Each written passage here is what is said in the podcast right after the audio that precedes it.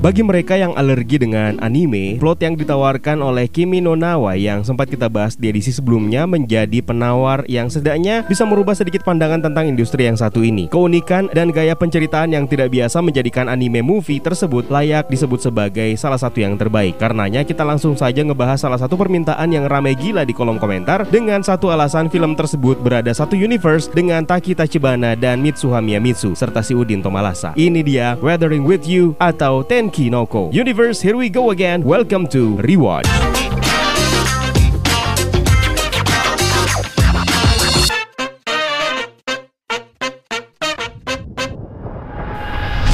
Anime rilisan tahun 2019 ini setidaknya memiliki keunikan tersendiri dari segi premisnya. Disutradarai oleh orang yang sama yang menggarap Kimi no Nawa, Makoto Shinkai. Karakter sentralnya Hodaka Morishima disulisuarakan oleh Kotaro Daigo dan Hina Amano disulisuarakan oleh Nana Mori. Agar tidak timbul penyesalan ketika kalian menyaksikan konten yang satu ini, kita berikan spoiler warning terlebih dahulu buat kalian yang sama sekali belum pernah menonton anime yang satu ini. Awas nyesel loh.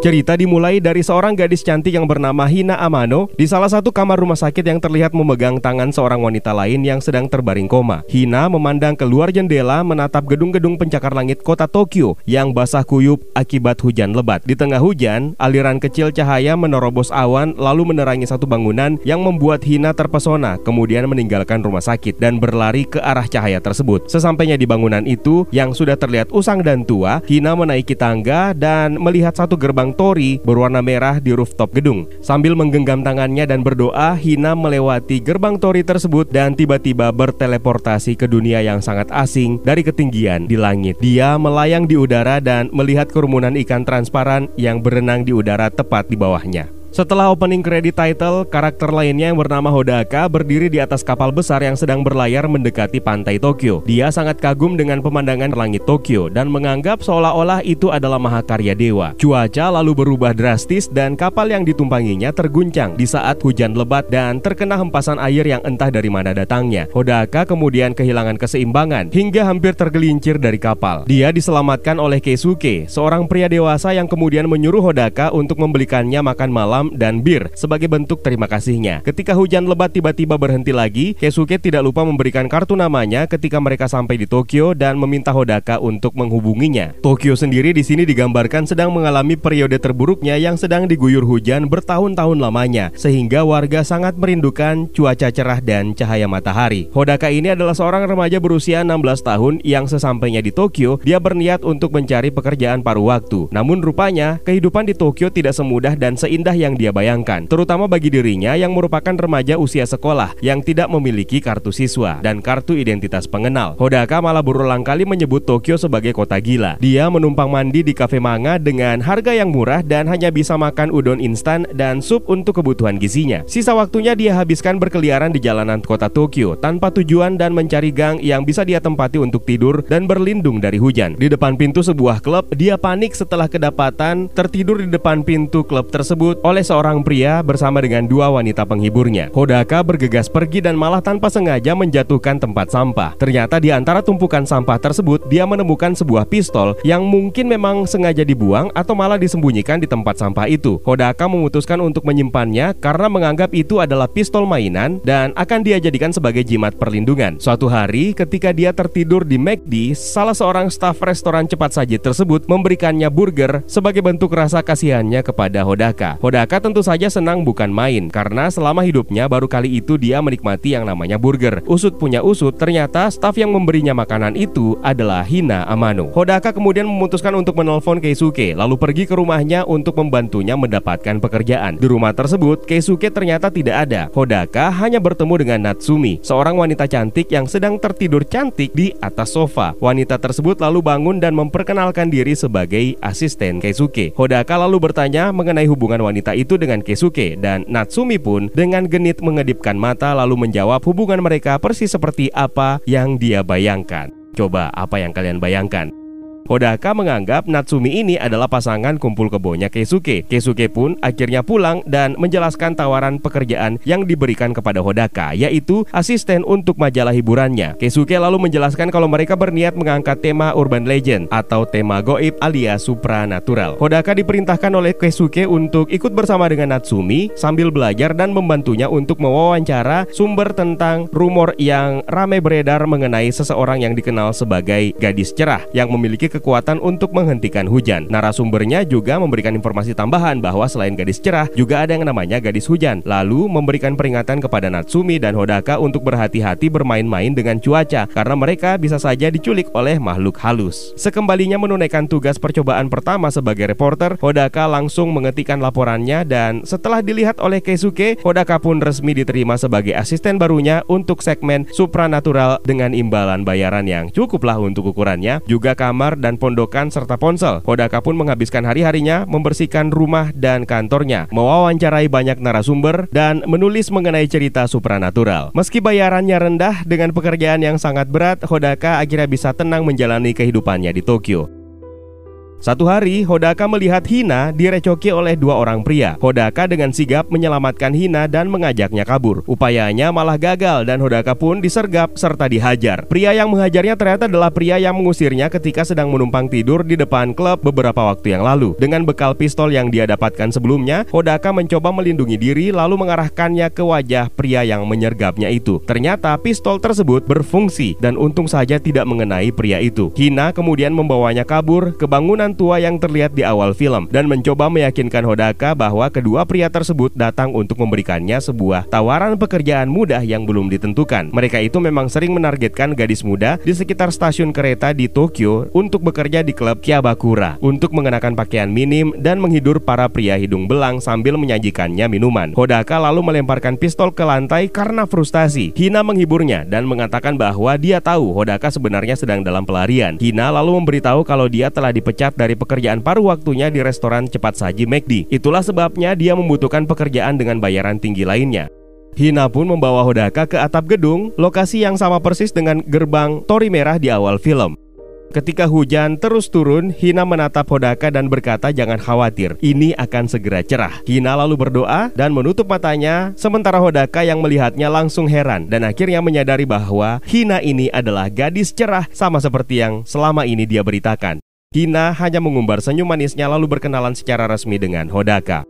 Hina dan Hodaka akhirnya berteman. Tiba-tiba muncul ide untuk mencari uang dengan memanfaatkan kemampuan Hina sebagai gadis cerah, mencari uang dengan cuaca. Hodaka kemudian mengunjungi Hina di apartemennya di mana dia juga bisa bertemu dengan adik Hina yang bernama Nagi. Di situ Hodaka mengetahui bahwa sejak kematian ibu mereka, Hina dan Nagi ini hidup sendiri. Bersama-sama mereka akhirnya membuat situs web yang bisa digunakan untuk memesan cuaca cerah dengan menetapkan harganya 3.400 yen atau sekitar 31 dolar Amerika. Tidak butuh waktu lama mereka langsung menerima pesanan dan segera mulai bekerja. Mulai permintaan dari anak kecil hingga permintaan dari perusahaan besar, Hina, Hodaka, dan Nagi bekerja keras untuk mewujudkan setiap permintaan cuaca cerah. Hina bahkan diliput oleh pemberitaan ketika dia sedang berdoa di atas salah satu gedung pencakar langit tertinggi di Tokyo selama pegelaran sebuah festival. Setelah itu, Hodaka dan Hina menonton kembang api di atap gedung tersebut dan Hina berterima kasih kepada Hodaka karena telah membantunya dan dia sangat senang menjadi gadis cerah 100%. Di satu pekerjaannya untuk seorang wanita tua yang meminta cuaca cerah, Hina dan Hodaka mendapatkan pembelajaran tentang dunia lain di atas langit yang sejak dulu sudah ada. Hodaka lalu memberitahu bahwa mereka tidak bisa terus-terusan melakukan pekerjaan gadis cerah ini karena media sudah pernah meliput mereka yang menyebabkan mereka kebanjiran permintaan. Di saat sedang asik ngobrol, cucu wanita tersebut tiba di rumah. Kalian yang sudah pernah nonton Kimi no Nawa pasti tahu siapa dia. Dia adalah Taki Tachibana. Di saat Hodaka dan Taki Tachibana sedang asik ngobrol, Hodaka kemudian teringat hari ulang tahun Hina yang sudah tidak lama lagi. Sejak saat itu, Hodaka mencari petunjuk hadiah ulang tahun yang tepat untuk Hina lewat Yahoo Answer. Nagi kemudian memberinya ide untuk memilih cincin sebagai hadiah ulang tahun untuk kakaknya. Tidak butuh waktu lama, Hodaka pun berangkat untuk memilih hadiah cincin yang akan diberikan untuk Hina. Hodaka kemudian meminta kepastian kepada penjualnya apakah Hina akan menyukai hadiah pemberiannya ini. Wanita tersebut berusaha meyakinkan jika dirinya yang menerima hadiah itu, maka dia akan sangat senang. Tunggu, tunggu, tunggu. Ada yang merasa kenal dengan wanita ini? Nah, lagi-lagi kalau kalian penggemar Kimi no Nawa, maka tentu saja wanita ini tidak akan asing di mata kalian. Mitsuha Miyamitsu. Ini sekaligus menjadi klaim kalau karakter yang ada di dalam Kimi no Nawa berada satu universe dengan Tenkinoko ini. Di tempat lain, pria dari klub yang sempat berurusan dengan Hina dan Hodaka sebelumnya berlarian menghindari kejaran seorang detektif. Pria ini kemudian terdesak dan tidak bisa menghindar setelah satu detektif lainnya dari kepolisian datang dari arah yang berlawanan. Dikiranya dia mau ditangkap karena satu kesalahannya, rupanya kedua detektif ini hanya berniat menanyakan foto dirinya dan Hodaka sebelumnya. Kedua detektif ini akhirnya mendapatkan informasi sekilas mengenai Hodaka yang merupakan anak usia sekolah yang berkeliaran di kota Tokyo dan dituduh menyimpan sebuah pistol yang pernah pernah dibuang oleh salah satu rekan mereka. Hina dan Hodaka kemudian menerima pekerjaan lainnya yang ternyata datangnya dari Keisuke. Keisuke meminta Hina untuk mengubah cuaca agar dia bisa bermain dengan putrinya. Jadi rupanya Keisuke ini sudah menikah dan memiliki seorang putri. Putrinya ini penderita asma yang tinggal bersama dengan neneknya. Keisuke tidak diperbolehkan menemui putrinya itu pada saat hujan. Tidak lama setelahnya Natsumi datang. Hodaka tentu saja kaget dong. Dia dengan polos memberitahu Keisuke apakah Natsumi sudah tahu kalau Keisuke menikah, apakah Keisuke tidak akan kenapa-kenapa kalau Natsumi hadir di tengah-tengah keluarga mereka? Keisuke tentu saja tidak bisa menahan tawanya dan Natsumi pun bete dengan imajinasi Hodaka yang menganggapnya sebagai pasangan kekasih. Jadi Natsumi ini sebenarnya adalah ponakannya Keisuke. Natsumi sendiri merasa senang sekali karena dia akhirnya bisa bertemu langsung dengan gadis cerah 100%, yaitu Hina Amano. Hodaka kemudian mengantarkan Hina pulang dan berusaha untuk mencari waktu yang tepat memberinya cincin. Ketika dia mengumpulkan keberaniannya untuk mengambil cincin dari sakunya, angin kencang bertiup dan menemukan Hina melayang di udara Lalu kembalilah kita ke awal film yang memperlihatkan Hina yang ternyata sedang menjaga ibunya di rumah sakit setahun yang lalu. Dia berdoa meminta hujan berhenti agar dia bisa menemani ibunya jalan-jalan untuk terakhir kalinya di bawah terik matahari. Dia akhirnya melihat cahaya di satu gedung dan berdoa sambil melewati gerbang tori di rooftop gedung tersebut kemudian tersadar dan menemukan cuaca begitu cerah. Sejak saat itu, dia merasa dirinya terhubung dengan langit.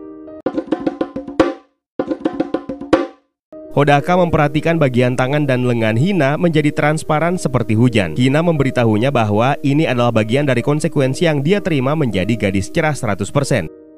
Kembali ke apartemen Hina, mereka berdua mengeringkan badan, lalu tidak lama setelahnya, polisi datang untuk mencari Hodaka. Hina memberitahu mereka bahwa dia tidak pernah melihat Hodaka. Dia bahkan tidak pernah mengenal Hodaka. Polisi lalu menjelaskan kalau Hodaka ini sering terlihat di sekitar apartemen tersebut dan orang tuanya sendiri telah mengajukan laporan kehilangan atas dirinya. Petugas polisi juga memastikan kalau Hina dan saudara laki-lakinya terlalu muda untuk hidup sendiri, maka mereka akan kembali lagi dengan pekerja perawatan sosial untuk bertemu mereka. Hodaka lalu menemui Keisuke yang kemudian memberitahunya bahwa polisi datang ke kantornya juga dan mengaku kalau mereka dikirim oleh orang tuanya. Keisuke akhirnya membayar penuh semua gaji Hodaka dan menyuruhnya pulang.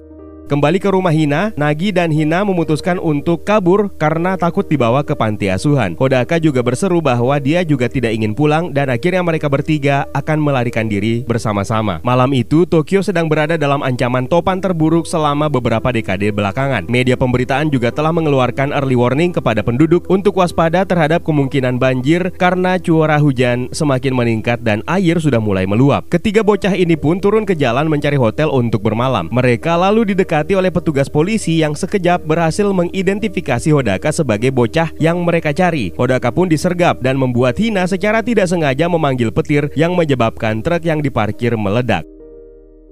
Polisi terganggu dan Hodaka, Hina, serta Nagi akhirnya bisa kabur. Mereka kemudian menyewa salah satu dari sedikit kamar yang tersedia dengan harga 30 ribu yen atau sekitar 280 US dollar. Akhirnya mereka bisa bersantai, mandi, menikmati menu di kulkas mini dan bernyanyi, berkaraoke sampai akhirnya Nagi tertidur. Setelah roller coaster seharian, Hodaka akhirnya memiliki waktu dengan Hina dan mengumpulkan keberaniannya untuk memberikan cincin yang sudah dia beli. Hina senang dan sangat menyukai hadiah tersebut tersebut. Seketika itu juga Hina segera menyingkap setengah baju tidurnya dan memperlihatkan setengah buah dadanya. Dasar pikiran ngeras, ternyata yang kelihatan bukanlah itu. Yang ada, tubuh Hina sebagian kini sudah menjadi transparan sebagai konsekuensi gadis cerah 100%. Hati Hodaka tentu saja hancur melihat pemandangan itu. Kekuatan Hina ternyata dia terima sebagai hadiah dengan konsekuensi dia tidak boleh tinggal di dunia normal. Jika dia ada di dunia, maka daerah tersebut akan terus-menerus diguyur hujan. Dia kemudian memberitahu Hodaka bahwa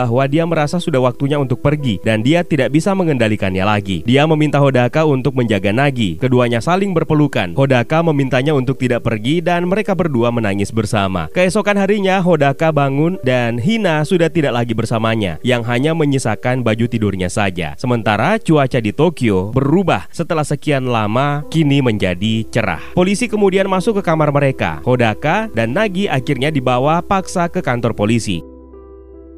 Dalam perjalanan ke kantor polisi, cincin Hina jatuh dari langit. Hodaka kemudian mengambilnya dan menyadari bahwa dia pasti telah pergi ke dunia dongeng di atas awan. Di kantor polisi, Hodaka memohon kepada detektif untuk membiarkannya pergi menyelamatkan Hina. Namun detektif tidak mempercayai ceritanya. Hodaka pun diberitahu oleh detektif bahwa Hina itu sebenarnya juga berusia 15 tahun dan dia berbohong kalau usianya 18 tahun. Hina melakukan hal tersebut agar bisa terlihat dewasa di hadapannya dan di hadapan Nagi, adiknya, dan juga agar dia bisa mendapatkan pekerjaan dengan mudah. Alih-alih pergi diam-diam, Hodaka malah kabur keluar dari kantor polisi dengan begitu banyak petugas yang mengejarnya. Natsumi lalu datang menyelamatkan Hodaka dengan sepeda motor dan mengatakan bahwa Nagi yang menelponnya dari pusat konsultasi anak dan memberitahu bahwa Hodaka ditangkap dan Hina menghilang. Hodaka lalu mengarahkan Natsumi ke gedung dengan gerbang tori merah di rooftopnya. Di tengah perjalanan, mereka mendapatkan jalan buntu di mana jalanan benar-benar terendam air akibat topan sehari sebelumnya. Hodaka terus berjalan berjalan kaki dan berlari di sepanjang jalur kereta untuk sampai ke gedung. Tiba di sana, Hodaka menemukan ada Kesuke yang juga ada di sana, yang kemudian mencoba meyakinkannya untuk kembali ke kantor polisi. Kesuke mencoba menenangkan Hodaka agar tidak perlu khawatir karena dia tidak melakukan kejahatan serius. Ketika Kesuke berusaha menyeret Hodaka keluar dari gedung, Hodaka menggigit lengannya yang seketika membuat Kesuke menendangnya. Hodaka lalu menemukan pistol yang sebelumnya dia lemparkan ke lantai ketika dia dan Hina berada di sana. Dia mengambilnya dan mengarahkan pistol tersebut ke Keisuke sambil menolak untuk pergi jika belum menemukan Hina. Mendengar suara tembakan, polisi kemudian menyerbu dan menahan Hodaka. Keisuke tiba-tiba merasakan simpati yang luar biasa kepada Hodaka dan memutuskan untuk melawan polisi yang berusaha memborgol tangannya dan menyeretnya.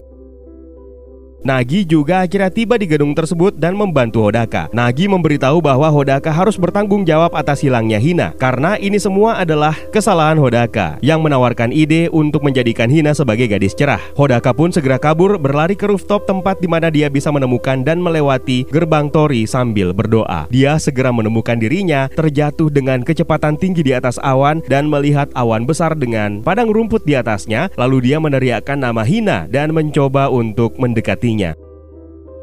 Hina yang tidak sadarkan diri tiba-tiba terbangun ketika mendengarkan suaranya dan melihat Hodaka terjatuh. Dia berlari ke tepi awan dan melompat ke arahnya. Keduanya pun terjatuh di langit sambil berusaha mati-matian untuk saling menggapai tangan masing-masing. Mereka akhirnya bergandengan tangan dan saling menarik Hodaka mengatakan kepada Hina bahwa dia tidak peduli lagi dengan hujan. Dia tidak peduli jika Tokyo selamanya akan tertutupi oleh mendung. Hodaka mengatakan kepadanya bahwa dialah yang terpenting dan dia mencintai Hina. Setelah itu, polisi pun menemukan Hodaka dan Hina tertidur di bawah gerbang Tori. Cuaca kota Tokyo seketika kembali berubah menjadi hujan lebat. Hina dibawa ke tahanan polisi dan Hodaka dikirim kembali ke kampung halamannya. Dia kemudian diawasi dengan ketat karena takut akan melarikan diri kembali. Tiga tahun setelahnya, Tokyo masih tetap di bawah guyuran hujan terus-menerus dan hampir sepenuhnya telah terendam air. Beberapa bangunan benar-benar tenggelam oleh lautan air hujan. Orang-orang pun terpaksa berkeliling untuk melakukan aktivitasnya bepergian menggunakan ferry. Hodaka dan Hina sendiri sebenarnya tidak pernah saling berhubungan semenjak tiga tahun yang lalu. Hingga Hodaka lulus SMA dan memutuskan pindah kembali ke Tokyo untuk berkuliah. Dia lalu menemukan Keisuke yang mana bisnisnya sekarang sudah berkembang menjadi sebuah kantor yang terletak di gedung tinggi Tokyo dengan dua orang asisten bayaran. Hodaka juga mengunjungi wanita tua yang menyewa jasa cuaca mereka dulu. Wanita tua tersebut menjelaskan kepada Hodaka bahwa memang berabad-abad yang lalu Tokyo ini adalah lautan. Jadi jangan khawatir, Tokyo sekarang sebenarnya sedang kembali ke bentuknya dulu.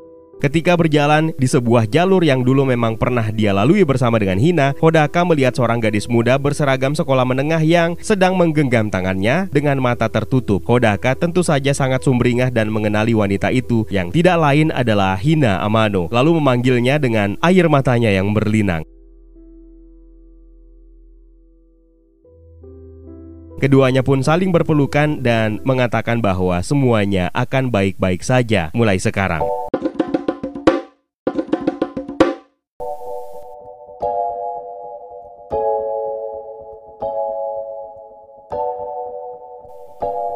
Anime movie yang satu ini tersaji benar-benar sangat solid. Setali tiga uang dengan Kimi no Nawa, Shinkai menyajikan plotline yang sangat unik untuk Weathering with You alias Tenkinoko karyanya kali ini. Meskipun dengan menggunakan formula yang hampir tidak ada bedanya dengan Kimi no Nawa, penggambaran visualisasi yang sangat unik disajikan oleh Makoto Shinkai lewat animenya ini yang membuat beberapa momen tersaji dengan begitu indah dan bahkan berhasil meleburkan emosi dan nyawa dari film ini sehingga bisa terdeliver dengan baik ke penonton. Tidak sedikit malah yang merasakan momen romantis dalam film Tenkinoko ini lebih baik dibandingkan dengan Kimi no Nawa. Meskipun secara keseluruhan packaging, Kimi no Nawa masih tetap tersaji dengan sangat baik. Tidak lupa juga poin plus untuk anime ini patut disematkan kepada dua karakter sentral yang mengalami momen transformatif yang sangat luar biasa. Belum lagi tidak ada plot yang disajikan dengan berakhir misteri. Termasuk buat kalian yang mungkin menyepelekan perubahan cuaca dari hujan menjadi cuaca cerah. Dalam beberapa adegan singkat sangat terlihat jelas kalau volume air yang harusnya tertumpah menjadi hujan tidak dihilangkan begitu saja, melainkan dipindah tempatkan ke lokasi lainnya. Inilah yang menjadi jawaban dari mana datangnya tumpahan air yang menerpa kapal yang ditumpangi oleh Hodaka di awal film, serta di satu momen lainnya ketika dua orang anak sedang bermain dan melihat keanehan di langit. Sementara penampilan cameo Taki Tachibana dan Mitsuha Miyamitsu yang merupakan karakter dari Kimi no Nawa dalam film ini sudah dijawab sendiri oleh Shinkai yang mengatakan bahwa dia pengen banget memperlihatkan Taki dan Mitsuha kembali sebelum mereka bisa bertemu lagi. Makoto Shinkai sendiri memang sepertinya terlihat sangat mencintai urban legend dari negaranya yang mana kembali dia tampilkan dalam film yang satu ini ini. Anime movie yang sangat menarik secara plot dan secara package yang tentu saja sangat sayang untuk kalian lewatkan. Dan Universe menurut kalian sendiri bagaimana? Lebih suka Kimi no Nawa atau Ten Kinoko ini? It's time for me to sign out. My name is Eka. Stay safe and until next time.